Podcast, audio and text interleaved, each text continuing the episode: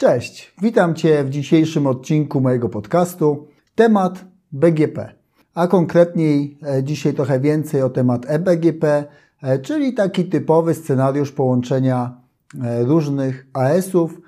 Ja skupiłem się w odcinku, który właśnie skończyłem nagrywać, na dwóch strefach w oparciu o taki przykład zbudowany w Packet Tracerze.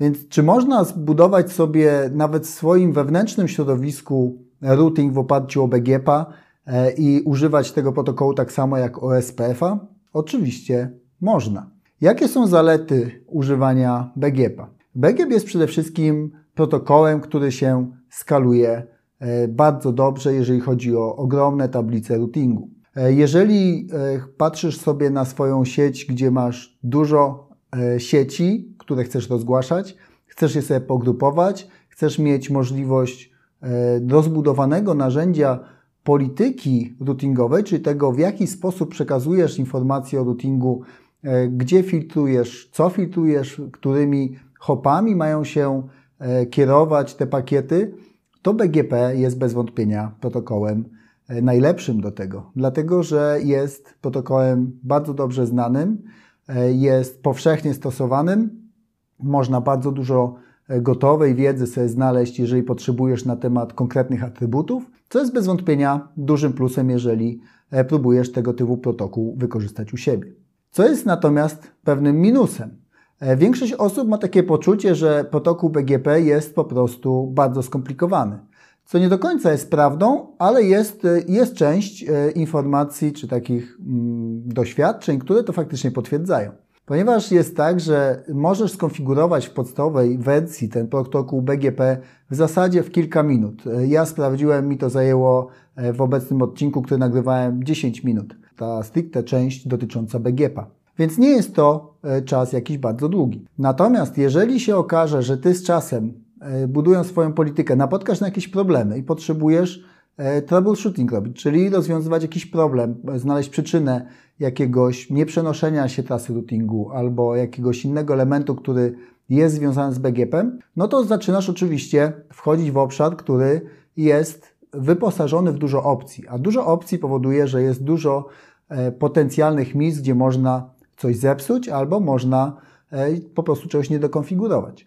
No i z tego powodu administratorzy najczęściej nie korzystają e, w sieciach wewnętrznych z BGP, mimo że dzisiaj urządzenia, które standardowo kupujemy, często wspierają taki protokół i można spokojnie go wykorzystać. Kiedyś słyszałem nawet e, taką historię o e, jednym administratorze, który chciał zrobić sieć swoją data center w oparciu o BGP.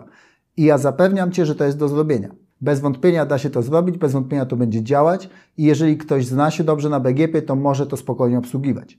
Minus takiego podejścia jest tylko taki, że jeżeli człowiek zmieni firmę, a jego koledzy sieciowcy już nie są tacy biegli w BGP, no to pojawia się potężny problem, jak tą sieć e, utrzymywać, czyli jak zmieniać jakieś parametry routingowe w tej sieci, w jaki sposób e, debugować jakieś problemy, czyli tego typu mm, obszary, które są związane z brakiem wiedzy.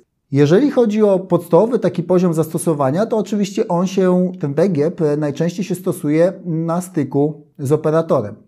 Jeżeli chcesz mieć e, własny AS, czyli to jest taki scenariusz, w którym typowo e, zakładasz, że będziesz miał co najmniej dwóch różnych operatorów zewnętrznych na wanie i chciałbyś reprezentować swoją adresację do tych dwóch, czy poprzez tych dwóch operatorów, tak żeby zapewnić sobie nie, jakby niezawodność i niezależność od każdego z nich. Więc na taki przypadek możesz stać się operatorem formalnie, bo trzeba być takim podmiotem, żeby móc e, zarejestrować swój AS publiczny e, i możesz starać się oczywiście o adresację publiczną. Ja dzisiaj powiem szczerze, że widzę coraz mniej takich e, kroków, czyli raczej firmy migrują w stronę takich implementacji, że serwer, który wymaga publicznego adresu IP, jak strony www, czy jakieś inne E, systemy, serwisy, które muszą w publicznej adresacji działać, one są raczej wynoszone do e, sieci publicznej związanej z danym operatorem chmurowym. Czy to będzie w Polsce, czy za granicą, czy AWS, czy jakiś inny operator, to już jest mniej istotne, ale w takim scenariuszu, jak oddajesz taki system na przykład strony webowej na zewnątrz, no to przestajesz się martwić takimi zagadnieniami jak utrzymywanie AS-a, e, są pewne wymagania też z tym związane. Nie martwisz się tym, że mogą e, wymagać pracy zmiana operatora, rozgłaszanie adresacji. To Cię w ogóle przestaje interesować. Ty kupujesz pewną usługę, serwer i on sobie tam działa, a za całą resztę odpowiada operator tej usługi. Więc to jest model, do którego ja widzę, że coraz więcej firm zmierza i to jest według mnie bardzo słuszna droga. A to też oznacza, że e, nie ma potrzeby już e, jakby utrzymywania, e, rejestrowania własnego AS-a jako taki typowy podmiot korporacyjny, czyli taki użytkownik bardziej duży, ale użytkownik końcowy. Więc jeżeli nie ma takiej potrzeby, no to BGP automatycznie nie jest stosowany. Niemniej jednak, jeżeli byś chciał albo miał taką potrzebę, to BGP jest nadal bardzo dobrym pomysłem, jeżeli potrzebujesz bardziej zaawansowane funkcjonalności routingu.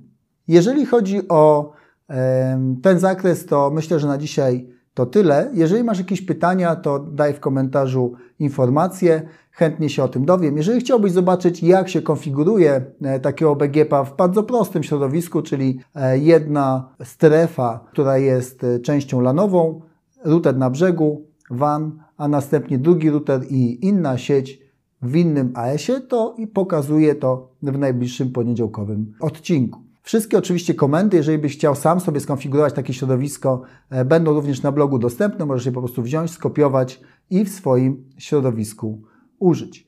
E, jeżeli masz jakieś inne kwestie, to zachęcam do kontaktu. Na dzisiaj to tyle i do usłyszenia już za tydzień.